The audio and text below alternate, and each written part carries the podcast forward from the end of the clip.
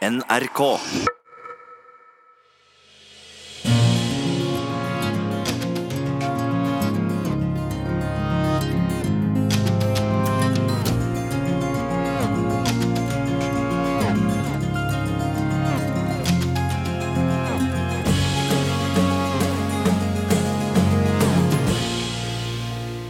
Hjertelig velkommen. Nå begynner det. For 22. gang skal det kåres en vinner av P2-lytternes romanpris.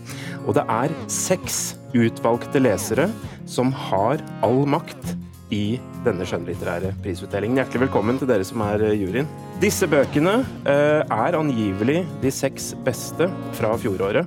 De er valgt ut av en jury bestående av eh, medlemmer av litteraturredaksjonen her i NRK. Og det er altså disse bøkene vi skal diskutere oss gjennom i løpet av tre TV- og tre radioprogrammer. Eh, Det er altså Teini Garayas bok 'Det er lenge til skumring'. Eirik Ingebrigtsens eh, bok 'Hvit bok, mørk vinter'. Trude Marsteins 'Så mye hadde jeg'. Og så de tre bøkene vi skal diskutere nå i første program. Per Pettersons 'Menn i min situasjon'. Maria Kjos Fonds 'Kinderhore'. Og Kim Leines Tykkebok, rød mann, sort mann.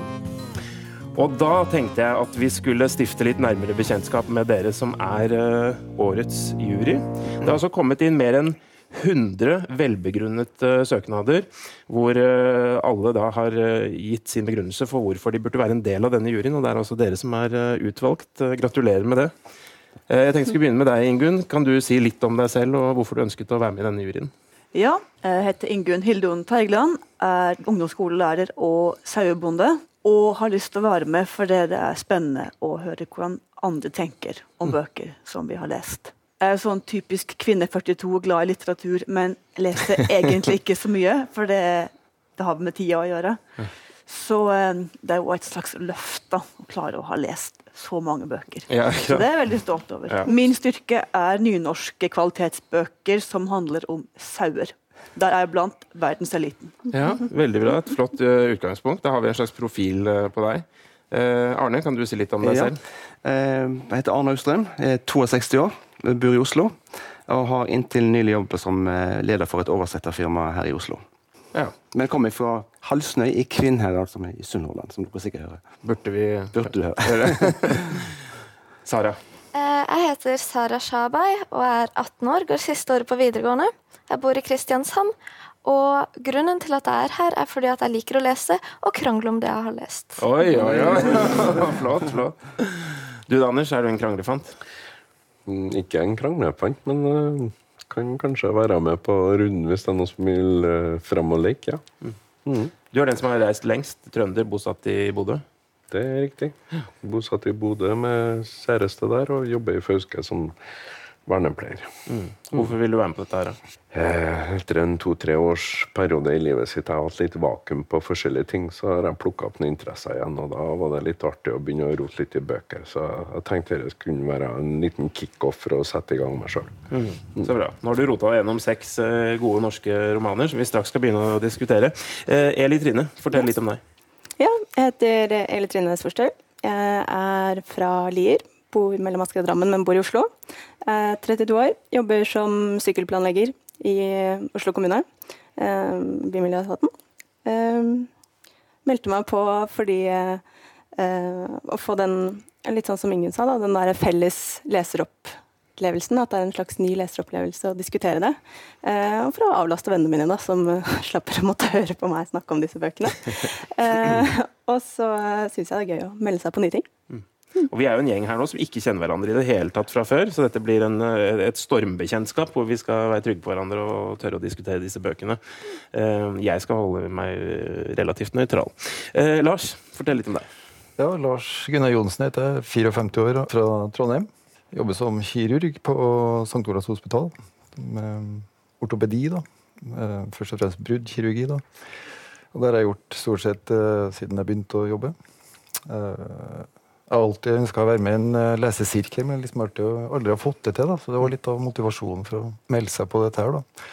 Så eh, jeg leser jo hele tida, på en måte, og så eh, det passa veldig godt for meg å på en måte melde meg på den store lesesirkelen her. da, Få krangle litt om bøker.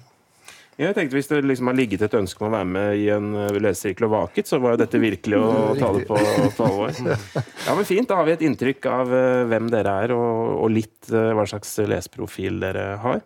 Så da tenker jeg at det er på tide at vi starter med første bok.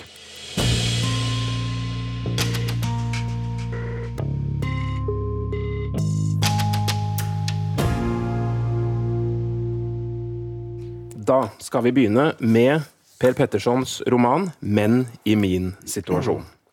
Dere har lest den boka, og jeg skal gi et kortfattet lite handlingsreferat. Eh, vi møter en karakter som eh, Per Petterson har gjort god bruk av eh, tidligere også, nemlig Arvid Jansen. Det er en karakter som ikke er helt konsistent fra bok til bok, men i denne boka så er han en fraskilt mann. Han bor i det som inntil nylig har vært felles hjem for han, kone og tre døtre på Bjølsen i Oslo. Og man kan jo si at eh, Arvid Jansen prøver å stable på beina en uh, ny tilværelse. Det er svært uh, krevende. Han sover foruroligende ofte i bilen og vandrer fra utested til utested i Oslo og støter på en del kvinnelige bekjentskaper. Jeg tror rett og slett vi tar en liten runde hvor vi deler et lite førsteinntrykk av denne boka. Vi begynner herfra. Lars, hva vil du si? Nei, altså, Jeg ble fascinert over de eh, Oslo-bildene som man bruker. Da. Jeg har studert i Oslo og bodd der i åtte år, da. Så, men det var en stund siden. Da. Så den boka vakte veldig mye sånne minner fra Oslo. Det var det første liksom, som slo meg da, med den boka. Og så eh, en ting til, da, det var at han er veldig opptatt av geografi og steder. Og beskriver hvor han drar hele tida, og at han hele tida er på reise. Det var liksom førsteinntrykket mitt av boka. Det er jo et Oslo på 90-tallet her, med en del tidskoloritt. Eller Trine, hva er ditt inntrykk? Det er litt sånn tung tåke å gå i, på en måte. Og som sitter litt eh, Man blir dratt inn i det, og så henger den på en måte ved deg litt etter at du har lest boka også. At eh, en ting er liksom selve leseropplevelsen, men den satt lenge i etterpå. Mm. Det er jo et Oslo med veldig dårlig utbygd sykkelveinett, holdt jeg på å si. Har du noen tanker om det? ja, han sykler i Hva var mens de fremdeles brukte bil, dette, ja. ja. Anders, hva er ditt første inntrykk av Per Pettersons roman? Veldig godt. Veldig godt og kleint skrevet. Men så kleint at det var liksom flaut å sitte og kjenne på at jøss, hva, hva var det her? En hovedperson en kunne tenkt meg å truffe og i virkeligheten og sagt hør, kom, kom og sett deg, nå skal vi ta oss en prat. Ja, så dette, dette, kunne du egentlig ha ordna opp i, tenker du? hvis du bare hadde fått... Ikke nødvendigvis det, men uh, det var interessante valg han tar, som jeg syns ble litt spennende. Ja, Dette må vi komme mer inn på. Sara, hva syns uh, du sånn uh, ved første? Vel, å lese denne romanen er som å sitte på med Arvid i sin champagnefarga Masta. Der hvor man kikker ut av bilvinduet og ser barer, kvinner, barndomsminner, skipsbrann, turer, barna flyter forbi vinduet. Og Der var du inne på et viktig premiss også, eller et bakteppe for denne romanen, nemlig det faktum at Arvid Jansen har eh, mistet eh, begge foreldrene og bror i en fergebrann forut for denne skilsmissen eh, fra kona. Og de to tingene henger vel i og for seg også litt sammen, eller det faktum at han er gift med kona si litt lenger enn det som ellers kanskje ville vært tilfellet. Arne, hva tenker du om denne boka? Ja, jeg tenker det at den den ulykka, den skipsbrannen, det, det, det, farger på en måte hele, hele, boka. Og jeg er ganske enig med, med deg. Jeg er litt enig at eh, det er en sånn veldig sånn mørk, eh, litt mollstemt stemning gjennom hele boka. Og jeg kunne ta meg i at jeg kunne bli veldig, eh, og nesten litt berørt av en del av disse episodene. Veldig, veldig sterke, fine enkeltepisoder, men en sånn gjennomgående mørk stemning. Mm. Nesten berørt. Skal komme tilbake til om det da holder. Ja, ja. Eh, Ingunn, hva syns du om menn i min situasjon av Per Petterson? Jeg tenker jo på en veldig eh, En mann som er veldig lei seg. Han kjører mye rundt i bil, for det trenger han, men han trenger egentlig en venn, og det merker han etter hvert. Heldigvis. Vi er med han gjennom en tung periode som han husker tilbake til, for dette er jo sett retrospektivt, og det syns jeg er spennende. Noen minner er veldig tydelige, og andre skriver nei, det husker jeg ikke helt. Så det er jo spennende hvorfor husker han så mange detaljer om noe. Eller han lagt det til etterpå. Men er det riktig oppfattet at alle rundt bordet føler seg positivt berørt av boka? Det sa jeg vel ikke. det er et tungt univers å bli med, bli med inn i. Men jeg syns det letter etter hvert. Men jeg skal innrømme at det eh, ja, stønna fælt en periode der. Men det er som det, det liksom letner litt. Eh, litt inn, så jeg syns det ble lettere å være i, hvert fall. Jeg er enig i det. at Det, det, blir, det blir, lettere etter hvert. og Det er jo noen, er jo noen eh, komiske episoder òg som eh, Han er jo litt stakkarslig, da. Jeg blir, jeg blir, litt sånn av og til litt eh, irritert på han, at jeg tar det sammen, mann. Fordi at han, han, skriver, han sier om seg sjøl han er på en fest på Malmøya som er ganske morsom. At ja, han var som en bøye som man gikk rundt, eller et eller annet, sier han. Så han er liksom sånn Ja. Uh, han burde tatt noen grep, men jeg tror at det er vanskelig for han å ta grep, fordi at han er så prega av den, den ulykka. Jeg tror det er det som på en måte holder han nede, og at han er rastløs, han kjører mye.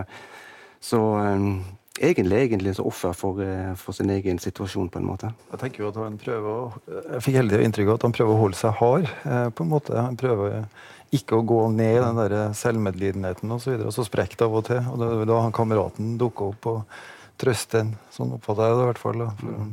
Det er liksom når han slipper opp hele følelsesregisteret sitt, da, men at det liksom hele tida prøver han å ta seg sammen. Eh, for å være far, og for, å være, for ikke å være for dypt engasjert i det samlivsbruddet som oppstår. Sånn oppfatter jeg det i hvert fall. Det er jo det at Denne romanen handler jo om disse mennene som betrakter verden gjennom bilruta si.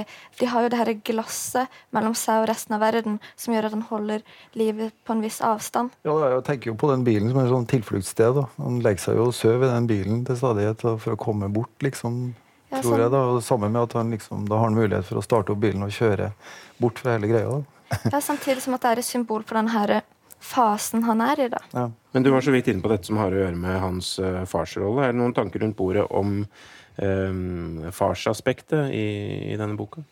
Jeg skrev tidlig noen notater om den boka. Det kan være nyttig for menn å lese denne boka. her. Vi, menn er veldig stakkarslige når vi har influensa. Kanskje menn burde ha lest for å skjønne at vi kanskje ikke er alene i mange situasjoner. Mens kvinner burde ha lest den for å kanskje forstå hvordan menn kan ha det. Det var noen tidlige notater om jeg kan stå for den nå. det. For det er kanskje det at det er en mann som på en måte bruker all denne røykinga og denne bilen til å holde seg liksom på riktig side av overflata og liksom ha, ha, luft. Men det var jo kanskje det jeg ble litt sånn syntes tungt, og som jeg ble veldig sint på Arvid for. da, At han ikke klarte å det er liksom greit å ha det kjipt, men si det på en ordentlig måte til, til barna sine. Det var liksom spesielt en episode der hun eldste datteren ringer og sier at, vi ikke, eh, at de ikke vil besøke faren sin, og så eh, sier eh, Så tør han ikke å spørre, for han vet ikke helt om han kan holde ut svaret. Men så spør han ikke altså Jeg skjønner at det er tøft, men likevel å ikke Hvordan det føles for hun datteren, da. Å stå på andre siden av det telefonrøret og ikke få det det spørsmålet, på en måte. Hva var det som skjedde mellom oss? Men er det sånn at dere syns Arvid burde vært en litt bedre fyr, rett og slett? Er det det det handler om?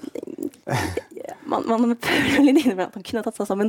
Man skjønner hvorfor han ikke klarer det, men du får jo litt innimellom at han kanskje kunne tatt seg sammen litt.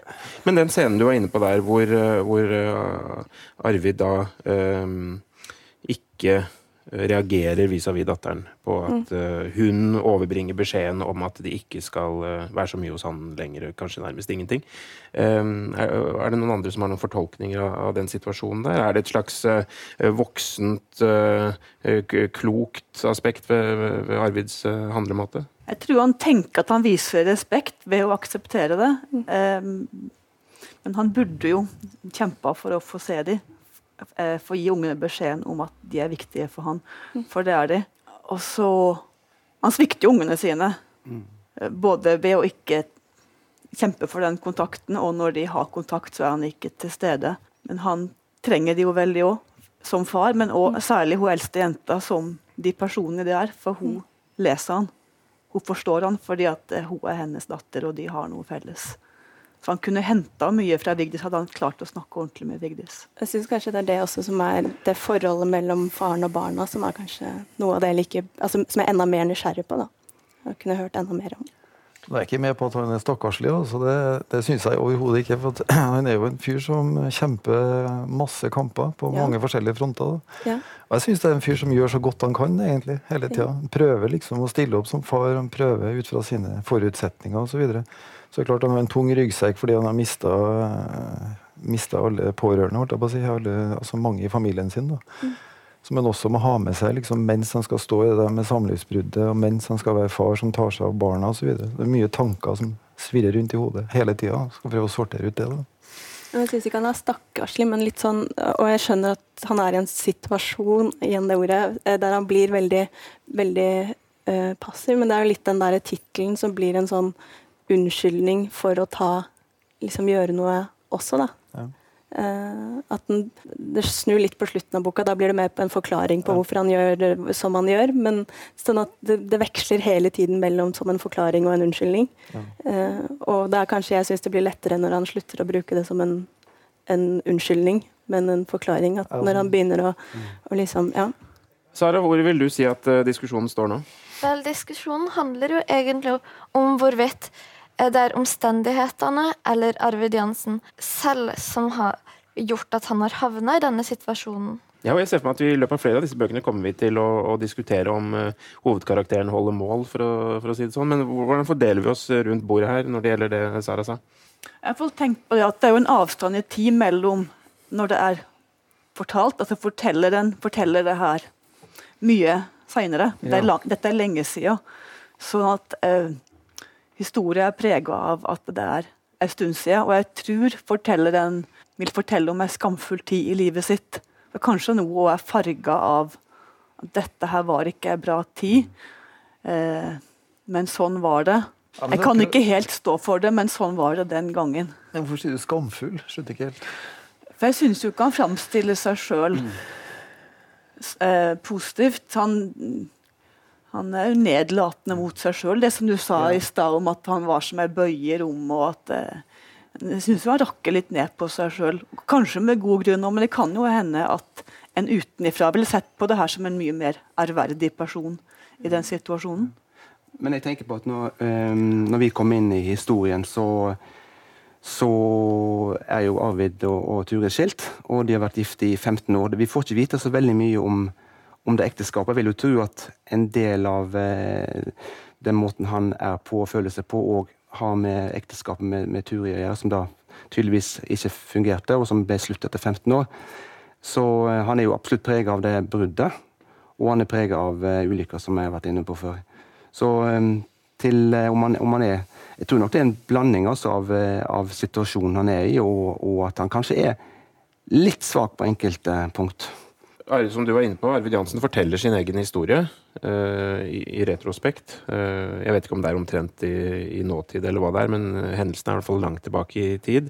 Skamfull eller ikke skamfull, eller har han grunn til å skamme seg eller ikke? Er litt uenighet uh, om rundt bordet? Jeg henter ikke noe, jeg har sett at det er noe skam der Han prøver å se litt tilbake.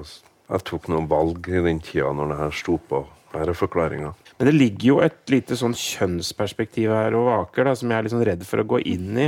eh, fordi det, for det, altså Jeg skal ikke si at det er så generelt som at damene rundt bordet her syns at han burde skjerpe seg, at mennene får, får, lyst til å gråte og syns at han har eh, alt på, på plass, selv om han ikke har alt på plass i det hele tatt. Men, men er det Altså, er det en bok som på en eller annen måte appellerer mer sympatisk til menn enn kvinner, tror dere? Det er så skummelt tema! Jeg tror jo egentlig at ensomhet er et universalt tema. Å føle seg ensom er jo egentlig ikke bare noe som angår menn, men også kvinner. Mm. Arvid Jansen prøver å få skrevet en uh, stor roman. Han har jo det også som et uh, delvis havarert prosjekt. Mm. Nei, men det er jeg veldig enig med, med Sara i, altså når det gjelder med, med ensomhet. For han, han, er jo ensom, og det er jo, og er jo noe som òg uh, preger historien eh, veldig mye. Og denne berømte eh, eh scenen med, med, hesten, som kommer litt ut i, uh, ut i boka, da han, eh, han, kjører ut og kjører inn på en, en skogsvei og overnatter i bilen. Og våkner om morgenen og det står en hest utpå. Denne hesten kommer bort, sant, og Arvid lener seg inn til denne hesten sant, og føler en sånn nærhet og en, en, kroppskontakt som han ikke har følt på veldig lenge. En veldig sterk og fin eh, scene. Så jeg tror at eh, ensomhet er absolutt noe som, eh, som, preger Arvid gjennom hele boka. Var jo ikke så glad i den eh, scenen. Jeg var litt sånn, I alle dager, hva gjør den hesten her? Er det liksom besøk fra en av hans mm. tidligere bøker, eller hva er liksom greia? Så den syns jeg var litt uh, malplassert på et vis. Eller sånn, ja. Hva med deg da, Ingunn? Hadde du vært, vært eh, enda mer begeistret for scenen med hest hvis det hadde vært en sau? Eller var det, var, var det greit? Altså, alltid, alltid pluss med sau, men, men vi tar det om hesten. Den er jo nysgjerrig på hva dere har lest, for den syns jeg jeg syns ikke den var malplassert, men jeg forstår den ikke helt. Jeg har grubla på om, den, om, hele den scenen er symbolsk, og at det ikke skjedde med at det er symbolsk. Den er også skrevet i presens, alt det andre er preteritum. Så ja, om det er et symbol på å ønske å nærme seg noen, eller om det er vendepunktet, om det er i tanken. Ja, hva har dere lest om av den gule hesten? Jeg syns hestescenen var egentlig litt Jeg syns den var fantastisk. Um, jeg fikk noen assosiasjoner til um, Det var en Ap-politiker som skulle prøve å begynne seg med noen manneklemmer. Jeg vet ikke om det var en Giske eller om det var en Stoltenberg, men jeg tror det var en Giske. Uh, det jeg tror det lå noe der. Den maskuline modigheten å legge fra seg det å gi en mann en klem. Jeg fikk noen assosiasjoner til det når jeg holdt på rundt den hesten. Men jeg oppfatter jo kanskje litt av den der hestescenen som at uh, her Eh, han, han, på en måte opplever en sånn veldig dyp og inderlig følelse. fordi her er det noen ting Han trenger ikke å prestere i mm. forhold til et annet menneske. Eh, det er jo et dyr. ikke sant? Mm. Eh, så jeg tror det er derfor han syns at det her er så sterkt. Og jeg syns jo den scenen var kjempefin, mm. egentlig. da, fordi Da er han kanskje på sitt mest sårbare, tenker jeg. egentlig. Ok, Da er vi ferdig med å diskutere Per Pettersons roman 'Menn i min situasjon'. Det går fort. Jeg vet ikke om noen har brent inne med verdens største poeng. Arne, er det noe i notatene som burde vært sagt? Sikkert mye, men det er litt for mange notater til at jeg kan peke på ett ja. punkt. Men dette med hesten, hadde du Hesten, ja, eh, Hestescenen eh, var det som jeg Den merker jeg meg veldig og syns den var veldig fin, og den har jeg lest opptil flere ganger. Og jeg trodde kanskje den var litt sentimental og litt som du var inne på, litt malplassert, men så etter jeg hadde lest den igjen en to-tre ganger, så bestemte jeg meg nei, den, den er fin. Mm. Den var viktig. Vi har diskutert eh, hesten, vi har diskutert karakteren Arvid, eh, hvorvidt han holder mål eller ikke, og om det i det hele tatt er et uh, poeng. Og dette får vi jo muligens anledning til å diskutere mer etter hvert. Det var altså Per Pettersons 'Menn i min situasjon'. Jeg er utrolig uenig i at den hesten er dårlig beskrevet i Per Pettersons roman 'Menn i min situasjon'. Sånn Utenom den hesten så hadde romanen vært et langt gjesp. Så det er vendepunktet, og det var da jeg begynte å ta denne boka litt på alvor. Jeg syns det er en god fortelling. Eh, det syns jeg. Eh, det er en av de beste fortellingene, syns jeg. Men eh, om den kommer seg videre eller ikke, det, det vet jeg ikke. Da. Men jeg tror jeg håper det, at den kommer seg videre. Var, jeg syns det var veldig gøy at de andre hadde lest den Hesten-scenen, f.eks. Så, så annerledes enn meg, da, og syntes det var noe av det fine ved boka. Mens jeg tenkte at bare i alle dager, hvorfor kommer det inn her når jeg leste det. Sånn at eh, det er veldig Det sier noe om, om litteraturen og den leseropplevelsen man har. da, det, det treffer en veldig ulikt. Da er det klart for eh, bok nummer to, nemlig Maria Kjos Fonn sin roman 'Kinderhore'. Den handler om en jente som heter Charlotte Jacobsen, som vi følger gjennom eh, barndom og ungdom og tidlig voksenliv. Et, eh, veldig traumatisk liv, hvor hun vokser opp med en alenemor som er pillemisbruker. Og det kommer stadig nye menn inn i morens liv som kanskje aspirerer til en slags form for farsskikkelse. Eh, men som regel eh, er ute igjen eh, før Charlotte vet ordet av det. Og når hun er tolv år gammel, så flytter det inn en mann som heter Jonas, som misbruker henne seksuelt. Og det er klart at disse traumatiske og tragiske barndomsopplevelsene preger hennes egen atferd også videre i livet, så langt vi får følge henne.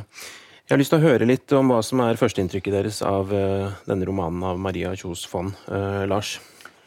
Nei, altså det, det, første som slår meg, er at det er mye aggresjon i den romanen her. Uh, og det er jo ikke så rart, da. For det er jo, det er jo egentlig en forferdelig bok, syns jeg, da. Altså alt det grusomme som hun gjennomlever. Uh, livet hennes som egentlig uh, starter dårlig, da, med mora som er misbruker, og så av piller, da, og så blir hun misbrukt sjøl, og så, så, går det bare liksom en sånn spiral nedover. Hvor hun blant annet blir så selvdestruktiv etter hvert at det, ja, det er egentlig fælt å lese, syns jeg. da. så det er en bok som grep meg veldig. da. Ja, det. Og jeg tenkte jo hele tida at her må forfatteren vært på innsida. Det blir liksom så personlig. da. At man må ha nesten opplevd det sjøl, tenkte jeg hele tida. Men jeg vet jo ikke om forfatteren har gjort det, da. Nei, eh, vi må jo forholde oss til dette som eh, en roman. Ja. Eh, Jeg syns det var vanskelig liksom, å å skille fiksjon og virkelighet da, i den boka her. da. På en måte, fordi det var så innmari detaljert beskrevet. ja, så det du egentlig sier, er at det er en veldig autentisitet i, i denne boka, ja, som du setter pris på, sånn ja, jeg forstår det. Ja, jeg gjør det. Mm. Hva med deg? Ja, det er jo, som du sier, det er et knyttneveslag av en, av en eh, bok eh, om, eh, ja, om, en, om å overleve i veldig eh, Ja, i en eh, eh, Overleve en, en barndom, på en måte. Så det var en intens leseropplevelse, som du sier. Den føltes veldig, veldig ekte, personen i boka. En familie på to, som kanskje ikke er en familie egentlig i det hele tatt. eh, hvor mye skjer i skjul, og etter hvert så blir jo Charlotte i og for seg en slags kasteball mellom eh, ja, psykiatri og, og helsevesen. Eh, Anders, hva syns du om denne boka? Hadde ikke den vært med denne utvelgelsen, så hadde jeg aldri kommet til å lese den. eh, På bakgrunn av at jeg på en måte slo meg som en fagbok i forhold til den utdannelse og jobberfaring jeg har. På hvilken måte da? Ja, det var den erfaringa jeg hatt i psykiatrien i jobbsammenheng. Og da tenker du at du har ikke lyst til å bruke fritida di på å lese om det. Ja. Men den boka her står frem som eh, en fakkel for å kunne eh, prøve å formidle av noe som ikke andre har vært med på kan forstå. Hun her har lagt fra seg penna og skrevet med fingre og blod og svette. Den slo veldig. Jeg er glad for at jeg leste den. En fakkel, altså, sier du Anders. Hva med deg, Sara? Det som overraska meg, var jo egentlig Charlottes sin veldig antihumanistiske holdning. For hun reduserer jo seg selv til et middel. Og hun setter ikke seg selv i sentrum for andre sin omsorg. Og hun har på ingen måte noen dragning mot det gode. Bare disse destruktive kreftene. Um, helt til mot slutten av boka, da, når hun møter Kristin, og det reises en slags søyle av håp. Arne? Ja, knyttneve i magen. En veldig sterk historie om grov omsorgssvikt. Eh, der Charlotte i en alder av seks blir eh, mor for mor si. Og det er jo en situasjon som eh, er forferdelig, vanskelig å forstå og vondt for den som opplever. Så veldig autentisk, og jeg òg var sånn som, eh, som deg, Lars, at jeg, jeg tenkte at dette her er skrevet for innsiden. Nå er dette her en roman, men det er en veldig veldig sterk roman. og Det er en, en bok som jeg håper veldig mange kommer til å lese. Eh, og jeg er veldig glad for at jeg leste den. For jeg, det som, som deg, Arvid, jeg hadde, det er ikke sikkert jeg hadde lest den hvis ikke den var tatt ut til denne konkurransen. Den er veldig sterk. Ja, Så det formidler en type virkelighet uh, i, i form av et kunstverk. Uh. Absolutt. vil jeg si. Det er kunstverk, og det er en, eh, det er en virkelighet. Ingunn? Dette er en bok som jeg har hatt å legge vekk eh, et stykke inni, for da ble jeg fysisk dårlig av den. Så nå måtte jeg ha en liten pause. Det betyr jo at den formidler noe. Når man leser, så er man jo på en måte hovedperson om man vil eller ikke. Så det var veldig vondt å lese, eh, men eh, det er en viktig bok. Det er en god bok. Og som voksen så tenker jeg at den har gitt meg og det perspektivet at man, voksne må huske på at man skal spørre unger hvis man ser unger som ikke har det godt. Du skal ikke spørre dem 'kom til meg' hvis du lurer på noe. Du skal spørre om akkurat det du tror er galt i livet. For hun kunne vært redda hvis hun hadde gjort noe mer da hun var unge. Hun var redda tidligere. Ja, fordi hun eh, tar jo på et tidspunkt, må vi kunne si, eh, eierskap til sin egen eh, historie, karakteren i, boka, uten at vi trenger å gå inn i detaljer sånn handlingsmessig. Men jeg har lyst til å spørre deg hvor stor grad er denne Svaret er jo kanskje nærliggende, da, men hvor stor grad er denne boka handlingsdrevet versus å, å være en språklig basert bok, for å si det sånn? Jeg er egentlig opphengt av språket i denne boka her heller. Det er historien som bærer frem det som er viktig å fortelle. Mm. Et forferdelig budskap som ikke jeg klarer helt å ta fatt på. Og et tema som vi skal ha voldsomt respekt for. Så alt blir på en måte skjøvet til side. Her er alle filtre og mulige slags tekniske greier vi vet om, er renska bort og løfta frem her. Det er det som skjedde. Men du, du, var inne på at dette her på sett og vis er kjent mark for deg, faglig sett. Eh, er det gjenkjennelighet eh, som spiller inn når du leser dette? Det var det jeg mente med respekt for at vi alle som er forskåna for å ha vært borti noe sånt, vi kan ikke tilnærme oss å si at noe er kjent i det hele tatt. Og lett for meg å si som har vært borti personer og prøvd å hjelpe, men det Nei. Dette her ble løfta frem på en helt annen måte. Det var var knyttneve i ansiktet og magen og alt. Så det var sånn Det var en liten vekker på flere områder. Mm.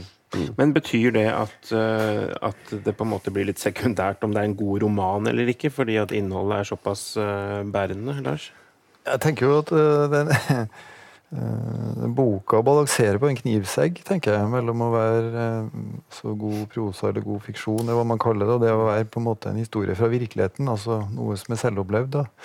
Så jeg tenker at um, Uten at jeg kan peke på liksom uh, spesielle ting, da, men at, at, at, forfatteren klarer å komme seg over på, på den gode romansida. Sånn at det er liksom en, en, god Det en Det er jo ikke en god fortelling, da, men altså det blir en fortelling som på en måte man man syns er god å lese, da, for å si det sånn. da. Uh, har blant annet en del sånne utsagn jeg bet meg merke sånn, Jeg ville være den som hadde definisjonsmakten. Det syns jeg var veldig altså, Det er jo en av de setningene som på en måte slår veldig hardt, syns jeg. altså mm. Hvordan du fremstiller Eh, hovedpersonen som en som prøver å kjempe seg til et normalt liv, egentlig. Gjennom all den frustrasjonen og aggresjonen og ja, i det hele tatt. da.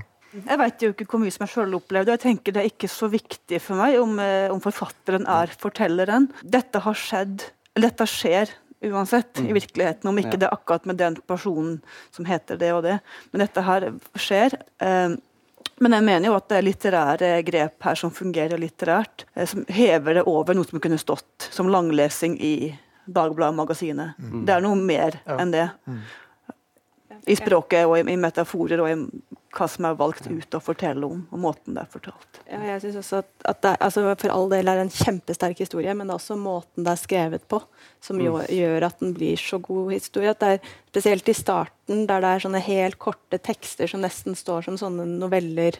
Eh, mm. korte noveller alene. At du blir, du blir, med en gang satt i en stemning. Du blir fortalt så mye da, på så, korte, eh, på så kort tekst at, eh, at det, er, ja, det er et billig språk men, som forteller mye. Men jeg mener jo egentlig at språket her blir en, en andre prioritet. Mm. Fordi budskapet er såpass sterkt, og det blir lagt så utrolig mye fokus på det. Jeg må si at jeg, jeg datt litt uh, ned på den på en måte realismesida. Hvis en kan skille mellom realisme og fiksjon. da, når, Helt på slutten av boka, når det er liksom, egentlig et rettsreferat også de episodene, Jeg jo også bakgrunn fra helsevesenet. Altså de episodene hvor man på en måte hvor hun beskriver innkomstjournal ikke sant, og alle de fagterminologiene osv. For meg så ikke, gjorde ikke det sånn inntrykk, for å si det sånn. da. Um, men jeg vet ikke hvordan andre som på en måte ikke har den helsefaglige bakgrunnen, reagerer på det. da. Jeg vet ikke.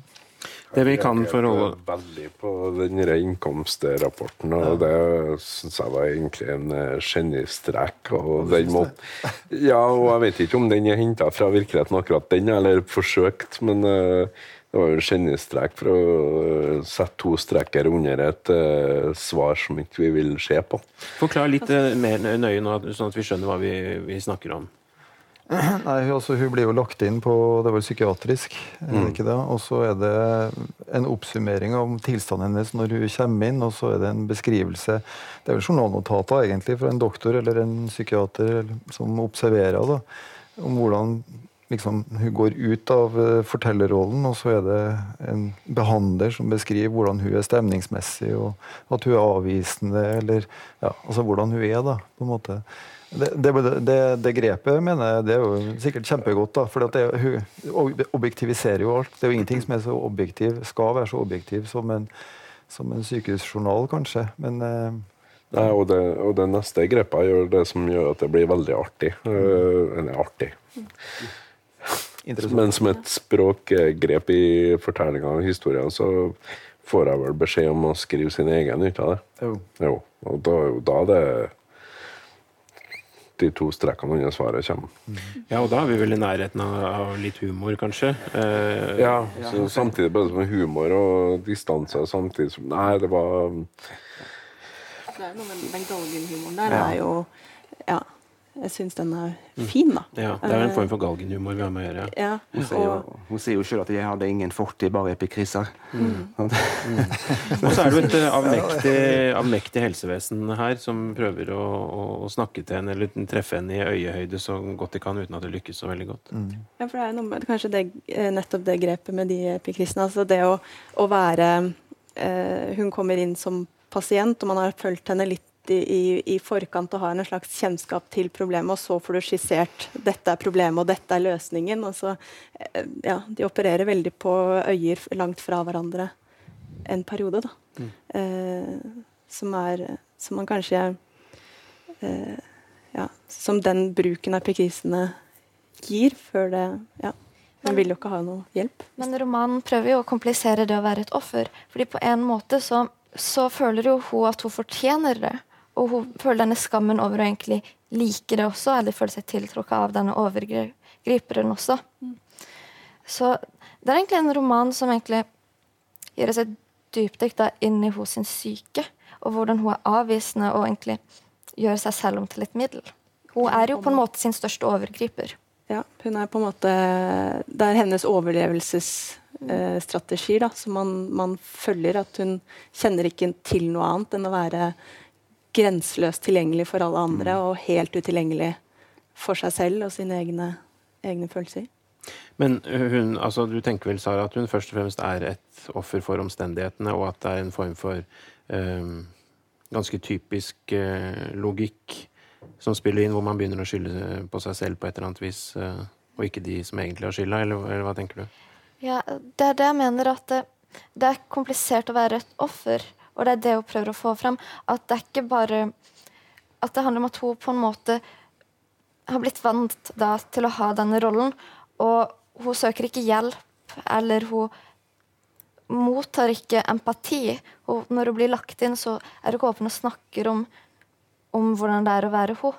Nei, og det å skulle begynne å forklare for hennes del eh, Det er antageligvis ekstremt eh, komplekst, vil jeg, vil jeg tro. Eh, men så har hun vel en refleksjon mot slutten av boka også på hvorfor hun ikke gikk, eller hva som gjorde at hun ikke hadde anledning til å, å flykte på et tidligere tidspunkt. Eh, det blir jo opp til dere da, å bedømme om dette er en god roman, en god nok roman, eh, eller om det er historien som, eh, som er det bærende. Men jeg har lyst til å spørre dere hvor deterministisk dere syns at denne romanen er. fordi det er jo et poeng her at altså, Charlotte har en mor som har sine problemer. Moren har kanskje hatt en mor igjen som har hatt sine problemer, osv. Hvor uavvendelig er på en måte eh, handlingen i denne boka? Eh, Tenk på arvesynden. Jeg vet ikke, Er, er det noe deterministisk inni i denne historien? Charlotte har jo tatt grep om de er eh, eh, Om det hjelper henne. Altså, til slutt altså, Hun tar jo grep underveis i livet sitt for å ikke være et offer.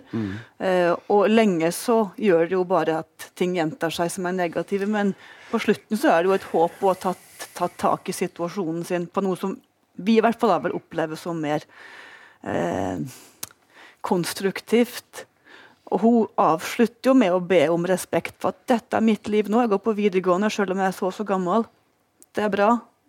Eh, så, så jeg opplever jo at det avslutter med håp. Og at eh, det trenger ikke å bli en ny generasjon med det samme. Jeg syns hun utviser en kjempestyrke gjennom at det er kanskje ja, det er mye sinne der, men det viser også en voldsomt styrke. At Charlotte er egentlig en ressurssterk jente. Veldig. Hun skriver helt fantastiske, grusomme historier uh, allerede på, på, på barneskolen. Og hun holder ut, og hun holder ut, og hun reiser seg igjen, og hun reiser seg eh, igjen. Mens sånn som moren fremstilles, så ligger jo hun bare nede. Så allerede der så har jo Charlotte tatt et annet valg, på en måte. Med dette så har vi snakket oss gjennom to av eh, seks kandidater eh, til P2-lytternes eh, romanpris. Eh, og det var altså Maria Kjos Fond sin roman 'Kinderwhore' vi akkurat nå har gjort oss ferdig med. Så langt. Jeg tror alle som leser den boka, kjenner den i kroppen, for den er så Den handler jo om så fæle ting eh, som skjer mot et barn, og man, jeg tror ingen er uberørt av det, og inkludert meg. Så den, eh, ja, den gjør sterkt inntrykk. Den er veldig sterk. Eh, jeg tror nok den er I mine øyne så kommer den ganske lett opp. Da skal det handle om eh, dagens eh, tredje bok, denne mursteinen av eh, den dansk-norske forfatteren Kim Leine. Han har gjort Grønland til sitt store litterære prosjekt, og her handler det om etableringen av en dansk koloni på Grønland på begynnelsen av, eller i første halvdel av eh, 1700-tallet. Sentralt i fortellingen står den eh, norske presten eh, Hans Egede. Han har levd, og han har skrevet en dagbok som er en ganske viktig bestanddel i eh, denne romanen. Og så har eh, Kim Leine også funnet opp en karakter, eh, åndemaneren Apalutok, eh, som også er veldig sentral i denne boka. Han eh, på et tidspunkt så, eller tidlig så møtes livene til eh, presten og åndemaneren i den forstand at eh, eh, presten overtar omsorgen for sønnen til Apaluttok. Og dette går jo også som en rød tråd gjennom boka. Jeg har lyst til å høre med dere. Lars, hva slags inntrykk har du av denne boka? Ja, altså det er en stor bok, lang bok. Jeg tenkte jeg skulle oppsummere kort. da. Jeg tenker at Tittelen er jo egentlig nøkkelen til hele greia. altså Det er svart mann, rød mann. Eller rød mann, svart mann. da. Og den røde mannen er da, sånn som jeg oppfatter det, det er grønlenderen. Og så svarte mannen er da presten. Og det som jeg oppfatter at boka handler om, det er den kulturkollisjonen som oppstår når den siviliserte danske presten, eller den norske presten, her, men siviliserte, altså norske og danske sivilisasjonen kommer til Grønland for å på en måte sivilisere jakt- og, og fangstsamfunnet. Da. Hva som skjer underveis. da. Og hvordan de klarer å overleve eller ikke overleve. da. Eh, Det går jo ganske gærent i boka. da, med og, Et gedigent eksperiment, egentlig. mm, og sånn sett er vel denne boka også en historietime. Selv om den ikke er 100% etterrettelig, så får vi innsikt i en eh, relativt sett glemt eh, del av kolonihistorien her eh, mot nord. Eh, Eli Trine, hva sitter du igjen med? Eh, ja, nei, det er jo et veldig, veldig stort, eh, stort prosjekt. Eh, sånn at du Og man blir veldig sittende fast på Grønland. Eh, menneskene sitter fast i, de går oppå hverandre og sitter fast i hverandre, og det er liksom Man kommer seg ikke noe sted. Det, det er på Ja. Så det Selv om det er en sånn strøm av mennesker som forteller historien. Mm. Anders, klok eller beveget etter å ha lest boka? Bevega. Eh, Veldig eh, givende bok historisk over en del av verden som ikke er Jeg vet jo at Grønland eksisterer, men jeg har liksom aldri tenkt over det. Og her får du det servert hvordan, eh, ting har vært. Og litt sånn som du sier om dem som på en måte er stengt inn oppe på Grønland der. Hadde kanskje på den samme følelsen når jeg gikk på folkeskole sjøl. Innstengt der. jeg tror bortsett fra det, så ja, Veldig givende, historisk, artig bok. Jeg kosa meg skikkelig gjennom hver side, hver avsnitt. Sara, jeg har skjønt at du har gått i store dikteres fotspor både i Dublin og i Paris. Eh, Fikk du lyst til å reise til Grønland basert på denne boka? Eh, kanskje. Det er jo noen paralleller til Joyce her. Kapittel fire er skrevet i stream of consciousness-teknikk. Uten punktum, uten komma, med noen spørsmålstegn innimellom. Men helt ærlig så ser jeg ikke på denne boka som et stort språklig eksperiment. Dette er en bok som baserer seg på ett spørsmål. Hvordan overleve på Grønland? På et eh, land eh, som er dekt av is, eller hele 81% av Grønland er is. Og her befinner du deg i en koloni med tolv prostituerte, tolv fyllikere, en fanatisk etnosentrisk eh, eh, halvsprø prest, en hevngjerrig åndesjaman og en virkelighetsfjern guvernør som eh, drømmer om at Danmark skal bli det nye Romerriket. Og i tillegg til dette så skal du overvinne en kamp mot farsott, mot sott, mot eh, kopper, mot eh, eh, Du skal jo først og fremst ikke fryse i hjel, da. Og hvis du overlever dette, så kan du jo få litt legebehandling. Eh, det står mellom årelating, eh, bruk av blodigler, eh, trekk ut alle tennene dine, kutt ut svulster, trekk ut tenner. Og den her veldig kyniske kirurgen da kan, er, er jo egentlig eh, Fører jo egentlig til veldig mange dødsfall, da. Og det symptomatisk er at det kom veldig mye notater opp på bordet da det ble klart for Kim Leine, og du har veldig mange gule lapper i, i boka di. Men apropos det Sara sa, Arne. Fikk du, var det avsmak eller fascinasjon som ble mest fremherskende for deg? Å nei, fascinasjon. Absolutt fascinasjon. Jeg måtte jo finne fram et kart jeg, over Grønland for å se hvor egentlig disse befant seg hen. For det er jo hele tida snakk om at de skal dra over isen til østkysten, der det skal tilsynelatende være noen etterkommere av nordmenn. Um, men så langt kommer det iallfall ikke i denne boka. her, Men veldig fascinerende historisk bok. Uh, og selv om han har tatt seg frihet til forfatteren, selvfølgelig, så er det allikevel en stor grad av autentisitet her. For du har jo dagboknotatene til eget, og så kommer jo da disse her kapitlene knyttet opp mot det, mer eller mindre. Så um, veldig fascinerende historie. Jeg lærte veldig mye. Fikk absolutt lyst til å reise til Grønland, men veldig glad jeg ikke var der på 1700-tallet. Mm. Ja, Er du også der at du har lært noe av denne boka, Ingunn? Ja, jeg har lært masse, opplevd masse. Og jeg, var, jeg håpet at den her var eh, kjekk å lese, for det var den siste jeg las, sånn at jeg hadde litt tidspress. Og heldigvis så var den en page turner. Så jeg las, åh, nå har jeg lest 50 sider, dette går veien, jeg kommer igjennom. Så var, Den er veldig eh, morsom å lese. Det er som et eventyr av en bok. Eh, og du, man er på Grønland. Og det er et sånt persongalleri av eh, sprø folk og sprø hendelser. Og jeg tror på at det var sånn tankegangen var på 1700-tallet. Så nå har jeg vært der. Mm. Eh, og som du sier, jeg er glad at jeg ikke skal være der for resten av livet. Eh, I den brytninga mellom middelalder og eh, eh, opplysningstid. Men det er veldig herlig å ha vært med der mm. gjennom ei bok. Vil dere eh, hjelpe meg litt å fortelle litt mer om essensen, eller liksom hvilke hendelser som knytter seg til denne danske kolonien? Altså hva, eh, Hvor mislykket eller vellykket er det som prosjekt, eh, vil dere si, sånn det framstår i denne boka? Selve koloniseringen? Mm. Den er ikke så veldig vellykka. Fordi at de, eh, de, kom jo bort der på, på høsten, vel, og hadde med seg eh, byggemateriale som de skulle bygge hus. Så jeg tror det på en måte ikke var noen sånne uh, de, hadde ikke tenkt igjen, de hadde ikke gjort en skikkelig konsekvensanalyse i alle fall, hvis ikke de skulle få opp disse husene til vinteren kom. Og det klarte de jo ikke heller. Det ble fort kaldt. Det ble kaldt, og det var vått, og det var hygieniske og sanitære forhold som Ja, det var ganske interessant å lese. Men likevel så er det jo ikke en kritikk mot danskene. De er jo ikke tyranner eller despoter, ved unntak av denne presten, da. Så de prøver jo sitt beste å overleve i det her rå klimaet. Så de er ikke overgripere i den forstand, sånn som dere ser det. Men er de litt komiske, sånn de fremstår i boka?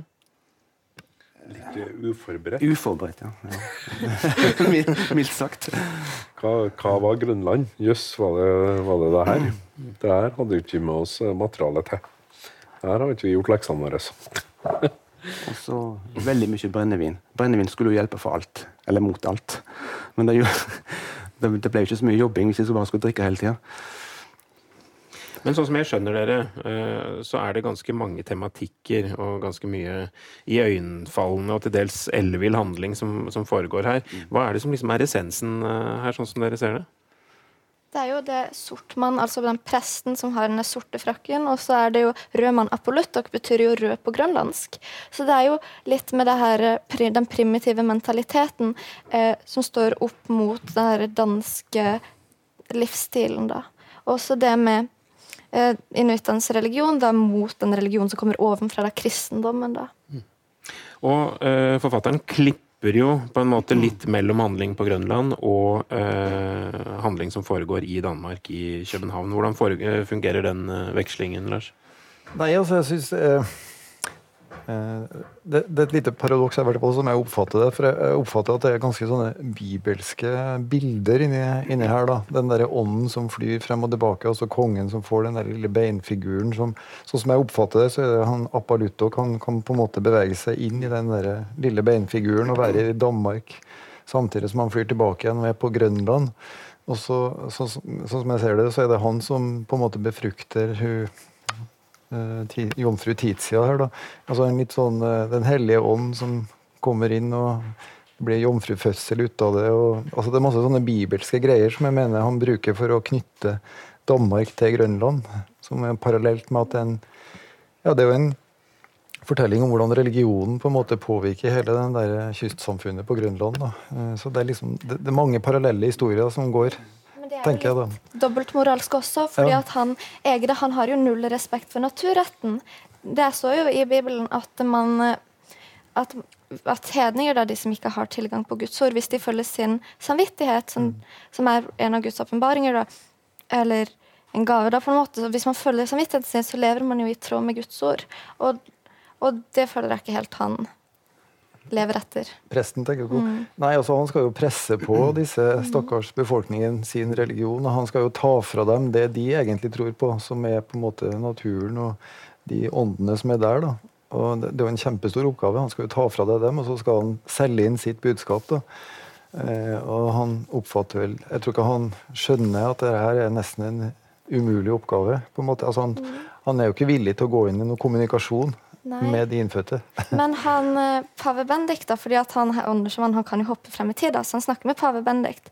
Og da så sier eh, pave Bendik at eh, vi katolikker har jo våre helgener og skytsånder, også som vi ber til, og det er jo stort sett det samme. Jeg kunne innføre kristendommen her i landet så lett som ingenting, hvis jeg fikk lov til å gjøre det på min måte. Jeg tror i virkeligheten at grønlendere er en slags katolikker. Så det er jo det at han mener at det, ånder kan jo leve i tråd med kristendommen også. At det, det er ikke noe som utelukker hverandre. Nei, jeg tror ikke Egede har det synet. Nei. Det tror jeg Det, ikke. det var jo et kristningsprosjekt. Det og det er ganske interessant altså det at de lager en koloni i Grønland som er så ugjestmildt land. og det det er jo, for det er, altså, Handel er jo ikke i, eh, i fokus her, iallfall ikke i, i begynnelsen av eh, de første årene. Så det var, det, det var jo at de skulle få ta imot kristendommen som var det viktigste her. Og det var jo det som var budskapet òg fra danskekongen. At Irland, disse hedningene, skulle bli kristne. Men så kommer han med dette budskapet om denne kristendommen som han på en måte selger inn. Det virker forholdsvis mottagelig, men han vil ikke døpe de. Altså Det går jo år og dag før sant. han begynner å, Han døpe, å døpe de. døpe de. Sånn at de får bare høre om fortapelsen, men frelsen får de ikke ta del i. Så det er jo Ja. er virkelig en fjærmann av de store, dette her. Ja. Er det en fæl fyr, Ja. ja, en fæl fyr eller en, barn barna sin tid, eller begge deler? Iallfall en fæl fyr. Han, eh, han er jo litt despotisk. Ja. Og Slår jo familien sin. Ja, og eh, forvalter jo kristendommen etter eget forgodtbefinnende. Men det er jo kanskje et tidsbilde av Eller kanskje en påminnelse at eh, det fins kristen fanatisme opp gjennom historia. Eh, dette er jo en kristen fanatisme. Han er jo kjempeimot katolisismen. Det er jo som du, Hvis tid er katolikk, så er jo det verste som nesten skulle skjedd. Så det er veldig sånn snevra inn på at kristendommen Nei, ikke hva som helst, ikke, ikke katolisismen, men det er protestantiske. Mini innenfor det igjen. Det eneste riktige, og, og egentlig hans egen fortolkning. Er det sånn at du leser denne romanen sånn som man ofte kan gjøre med historiske romaner, som en slags samtidskommentar eller en eller annen form for samtidsroman også? Man kan i hvert fall lese det som det. Det som jeg syntes var veldig herlig, var at her kan man bare lese og bare digge å være der. Men hvis man skal tolke noe, så, kan, så tenker jeg det med religionen og religionsmøtet kan si noe om vår tid. Selv om jeg ikke helt har formulert hva det kan si. Men jeg tenker både imperialistisk tankegang og dette med religionsmøte er noe som er relevant i dag. Nå har dere sagt ganske mye pent om denne boka, eh, og dere har også grudd dere, opptil flere av dere, eh, for å skulle lese 600 sider, og blitt lettet over hvor meddrivende det viste seg å, være. Men hva er det som ikke fungerer så bra med denne boka? Eventuelt?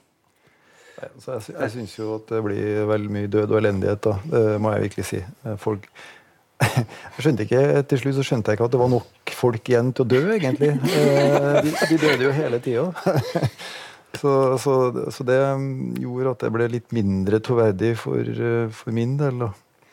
Syns jeg, da. Og så har den eh, Var det legen i deg som ble litt uh... Altså, det må jeg si at jeg har jo sympati for eh, han kirurgen som jeg har, da. for det er den Det er litt sånn sånn Hvis vi skal inn på metaforer, så har en russisk forfatter som heter Bulgakov, han har en sånn liten kortroman da, om en landsbyleges dagbok, da, hvor han på en måte fungerer, skal fungere i et sånt svært distrikt. Eh, han har ingen hjelpemidler, eh, og det er en fødsel på gang. Da, og han beskriver en sånn veldig hvordan han på en måte går inn. Også der står jordmora, som er veldig på en måte erfaren, og så står det en, en hjelper ved siden av. Og han må liksom vise som veldig ung lege at han har kontroll på fødselen. Noe han ikke har. da. Og Etter hvert som fødselen går fram, så springer han frem og tilbake over tunet og leser en lærebok da, om hvordan han egentlig skal gjøre dette her. da eh, for å beholde verdigheten. Og sånn oppfatter jeg med han kirurgen. Han har jo ingenting å hjelpe seg med. Og han vet nok egentlig at det å tappe folk for blod eller sette sånne snegler på dem, eller hva han gjør, det har jo ingen effekt. Eh, men han må bare gjøre noen ting. Eh, et eller annet. Jeg oppfatter ikke han som noen luring eller noe sånt. altså han jeg er litt, litt, enig med deg, Lars. Jeg, jeg, jeg, ble på en måte litt sånn uh, jeg skulle, denne romanen kunne godt vært 600 sider til for min del. men jeg, Så jeg syns det var litt synd at alle døde ut, for da var det jo videre mer historie å fortelle. Jeg syns de har det fælt, ja. uh, men hvem som dør og hvem som lever, det er litt tilfeldig her. Jeg kunne liksom ikke, jeg får ikke noe, Det er ikke noen jeg blir veldig nysgjerrig eller veldig glad i da, av disse karakterene. Det er litt som å sette på en TV-serie på Netflix og bare la det svunge og gå. For du blir veldig dratt inn, og det fyker av gårde, mm. eh, det du blir i. Men så etterpå så er det litt sånn da har vi diskutert Kim Leines eh, roman 'Rød mann', eh, 'Sort mann'. Eh, I denne del én, på vei mot en vinner av P2-lytternes romanpris, så har vi også diskutert Per Pettersons 'Menn i min situasjon' og Maria Kjos Fonds roman 'Kinderhore'. Og rundt bordet så har vi altså delt både entusiasme og innvendinger på en så intrikat måte at jeg ikke har noen anelse om hvorvidt dere mener disse tre er blant de beste eller ikke ikke. Det skal vi bringe til klarhet i eh, morgen, når vi skal eh, diskutere ytterligere tre romaner. Og i morgen blir det også avstemning. Eh, da skal vi til slutt sitte igjen med tre romaner som går til en finale. Tusen hjertelig takk for denne første økta.